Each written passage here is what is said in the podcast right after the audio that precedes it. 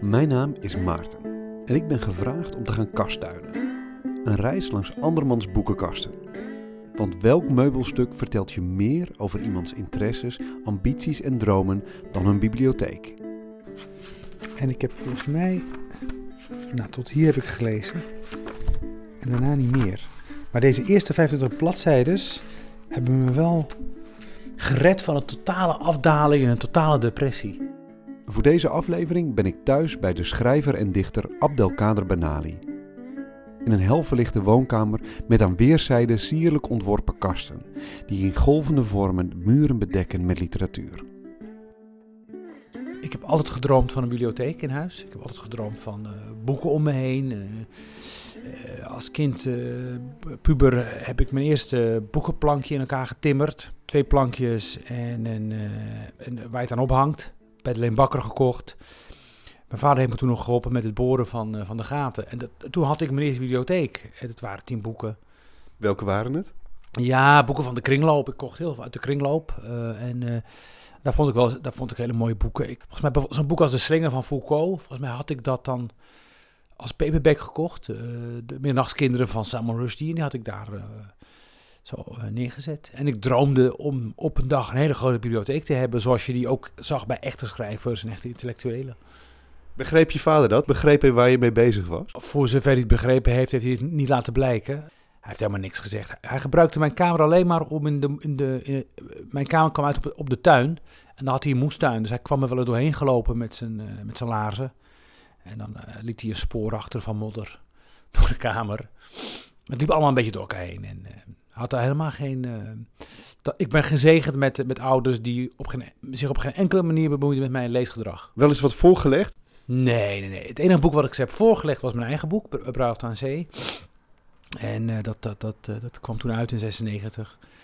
En de uitgeverij geeft je dan 20 uh, presentie-exemplaren. En toen dacht ik, nou, voor de grap geef ik mijn vader ook een boek, weet je wel. En nou, ik, ik, ik, gaf hem dat boek en hij, hij, keek ernaar. Hij keek naar de foto achterop en hij zag dat ik het was.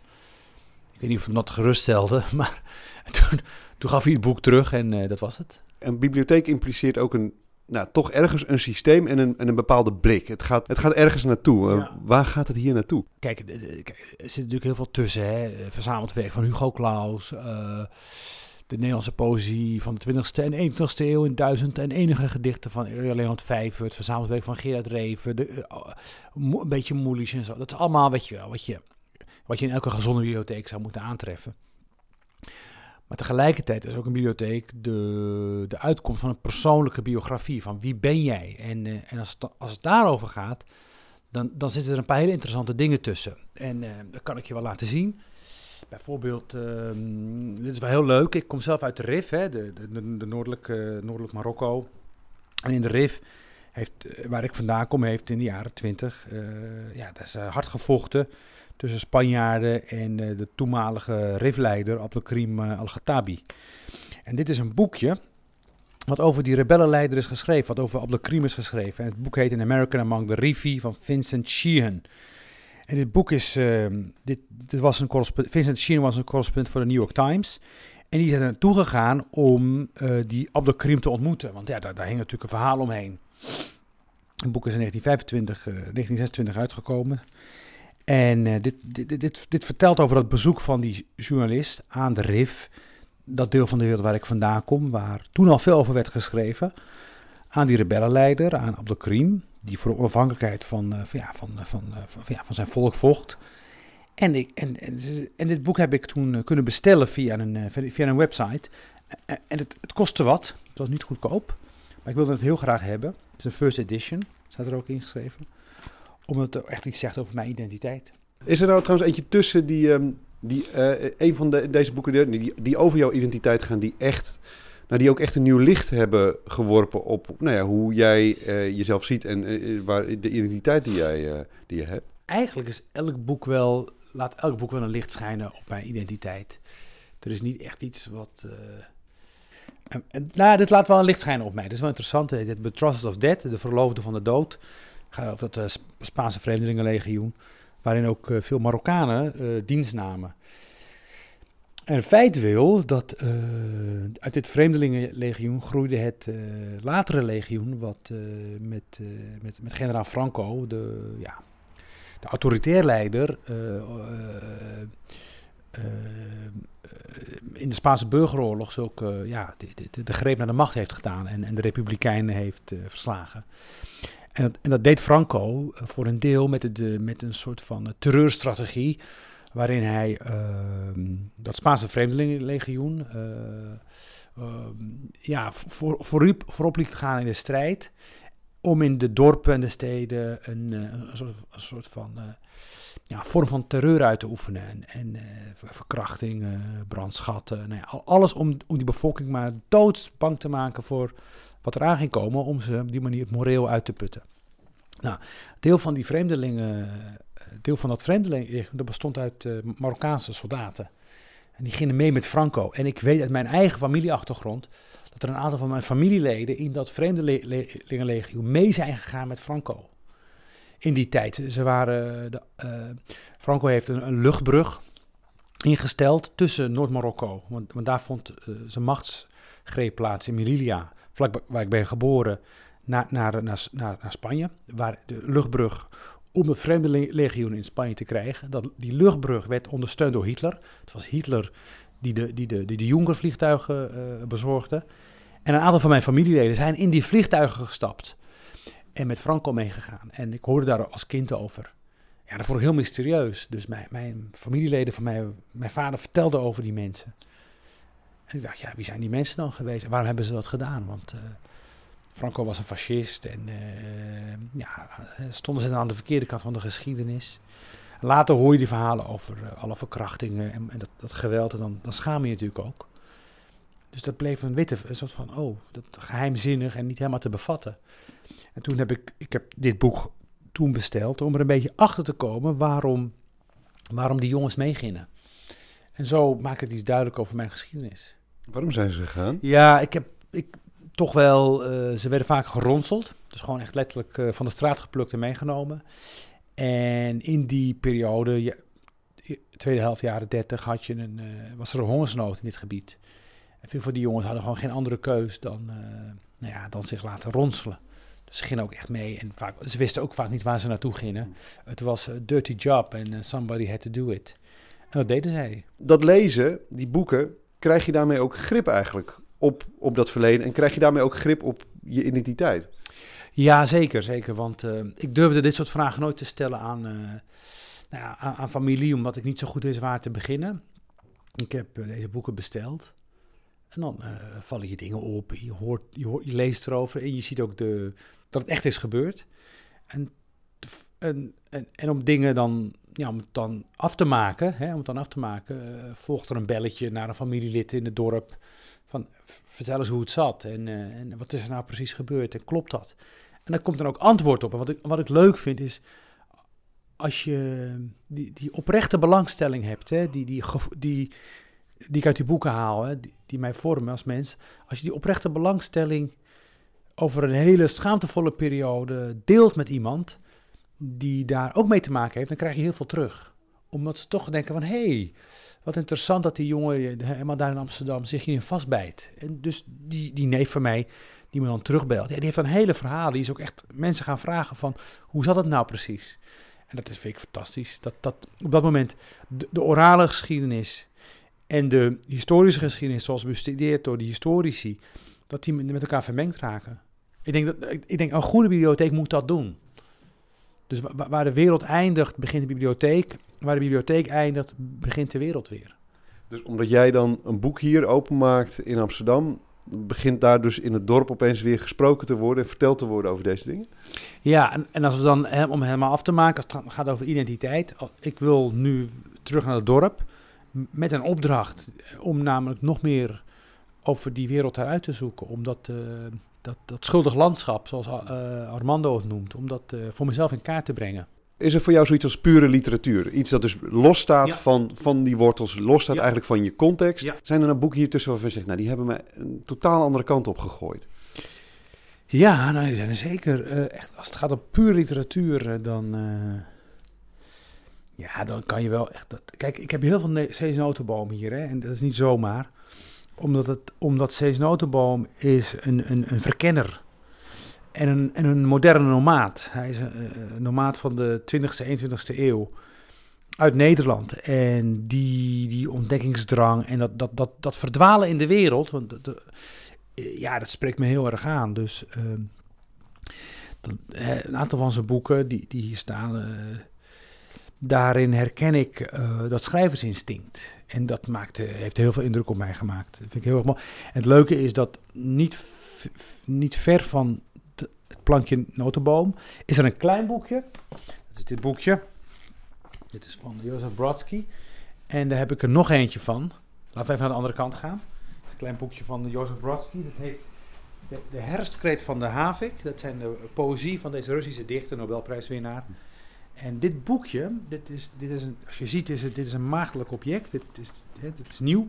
Dit heb ik nog een keer gekocht, puur uit plezier om het nog een keer te kunnen kopen. Dus zo zijn er van die boekjes die je twee keer hebt. Ehm, omdat, omdat, omdat je ziet het liggen en denk je, ja, oh ja, dat is, daar heb ik zo van genoten. Dat genot wil ik nog een keer herbeleven in, het, in de aankoop.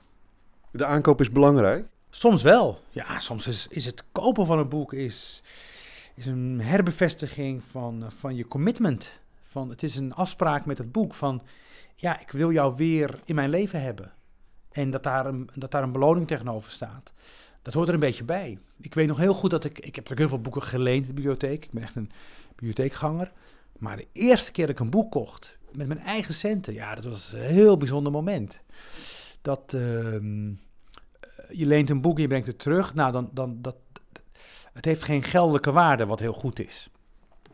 Maar op het moment dat je een boek, dat je bereid bent om een deel van je inkomen af te staan voor een boek, dat zegt iets over je, eh, toch weer identiteit, over je karakter. Dat je dat offer wilt brengen. En dat was natuurlijk, dat was eh, de blikken trommel van Gunther Graas. Dat, dat, dat, een paperback editie. En dat ik ervoor had betaald, dat verhoogde het, het, het eh, genot van het lezen.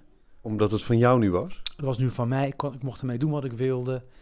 Ik had me het boek toegeëigend. Ik geloof wel dat er in dat, dat, dat beetje mythische gedachte dat, dat, eh, dat, dat het lezen consumeren is. Hè, de, ja, de, de oude Joodse schriftgeleerden, die scheurden dan pagina's uit de Torah en aten dat op om, om hun passie, om dat brandende vuur voor die tekst eh, nou ja, tot uitdrukking te brengen. En ik, je, je hebt wel eens van die momenten dat iets zo goed is of zo dicht op je komt dat je het bijna lijkt te kunnen verteren. Wat ik ook, wat heel veel indruk op mij heeft gemaakt. Ik heb hier privédomein, niet alles gelezen natuurlijk. Eh, Maar er is één boek tussen. Dat is van. eh, van. eh, van, van Pessoa. Het boek der rusteloosheid. Eigenlijk het oerboek aller. eh aller bekentennisliteratuur. Dit, dit boek, dit, dit, dit boek is toen. Hier, en dit heb ik. ik- Zat er een datum in? Nou, zou wel leuk zijn. Nee, staat geen in. Maar kijk, daar heb ik toen ook aantekeningen in gemaakt. In mijn studententijd. En ik heb volgens mij... Nou, tot hier heb ik gelezen. En daarna niet meer. Maar deze eerste 25 bladzijdes hebben me wel van een soort van gered van een totale afdaling en een totale depressie. Ik had toen, eh, ik leed toen aan slapeloosheid. Echt eh, zware slapeloosheid. Ik kwam, kwam nauwelijks mijn bed in, maar ik kwam er ook nauwelijks uit. En ik heb dit boek, ik las over dit boek. Ik heb het toen meteen gekocht.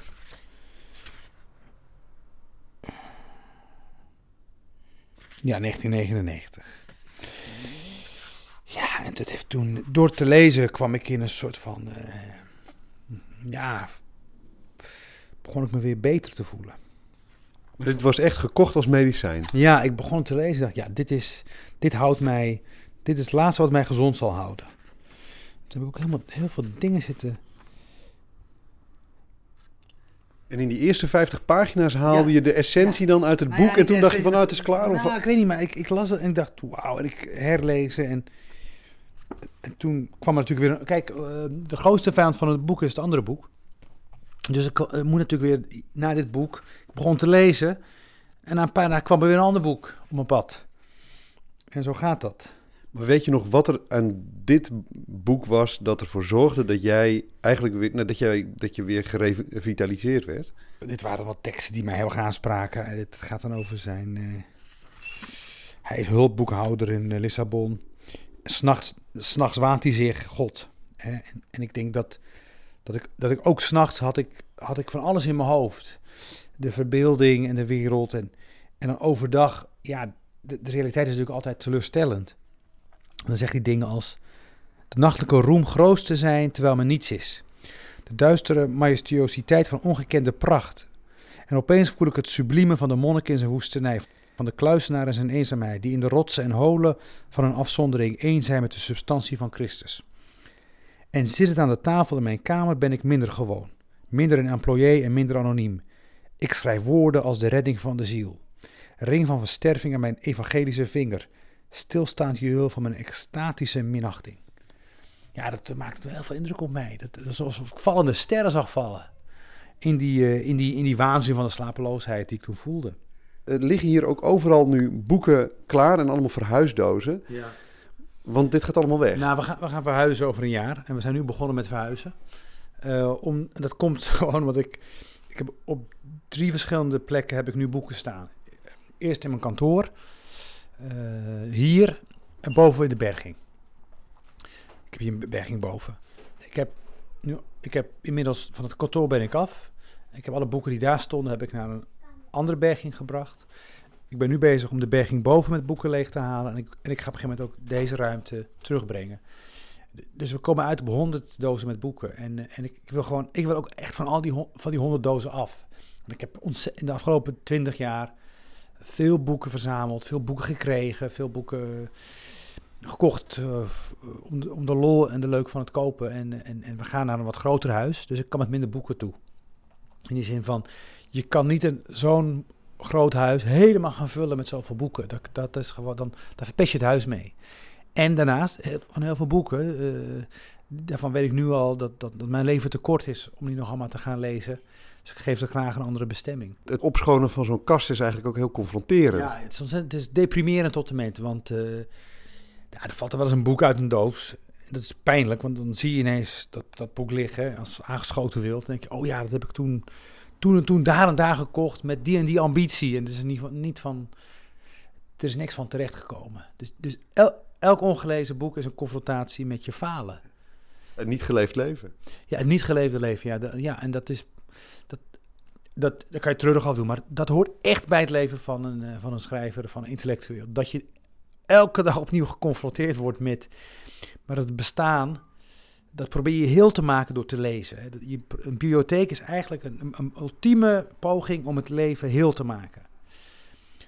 Die ongelezen boeken daarin, die wijzen jou op het, uh, op het falen van dat project.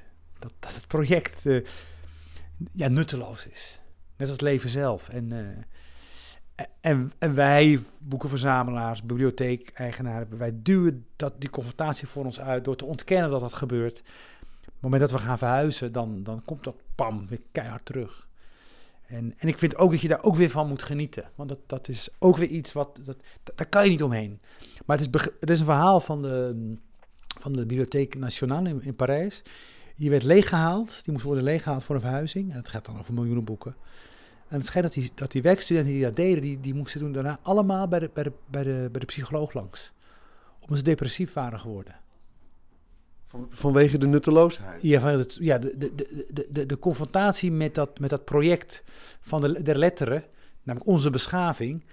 Dat, dat, je, je haalt de beschaving leeg. En dat, en dat, dat, dus dat gaat eigenlijk zitten op, een, op, eigenlijk op het allereerste, het, het tasje overlevingsinstinct aan. Ze maakt af en toe hier een soort cameo uh, tijdens dit gesprek, maar uh, er is duidelijke teken hier ja. van, een, van een kind en aan de kleuren te zien een dochter. Ja. En dan begin je weer met een nieuwe bibliotheek te Klopt, bouwen. Ja. Dat is wel leuk. Daarmee kunnen we het afsluiten. Want laten we even. Je moet, nu moet je op je knieën. Je moet nu even op je knieën, want dit is haar bibliotheek. Hè, dit is heeft ook een bibliotheekje. En ze heeft nog een bibliotheekje daar, maar dit is haar bibliotheek. Met Fiep Websterdorp en uh, nou ja, allemaal boekjes van uh, Woezel en Pip. En dat, dat wereldmuziek, hè, vindt ze heel leuk. Dat, hè, dat zijn die van die muziekboekjes. Die pakt ze uit de... Nee, oh nee, doet het niet. Batterij is Ja, wacht even. Nou, we hadden het moeten doen. Kom op. Oh nee, wacht, deze. Nee, dit, dit boekje is kapot. Dat maakt niet. Maar dit boekje doet het wel. Bijvoorbeeld de cello. Dat is Bach, hè? Ja. De trompet.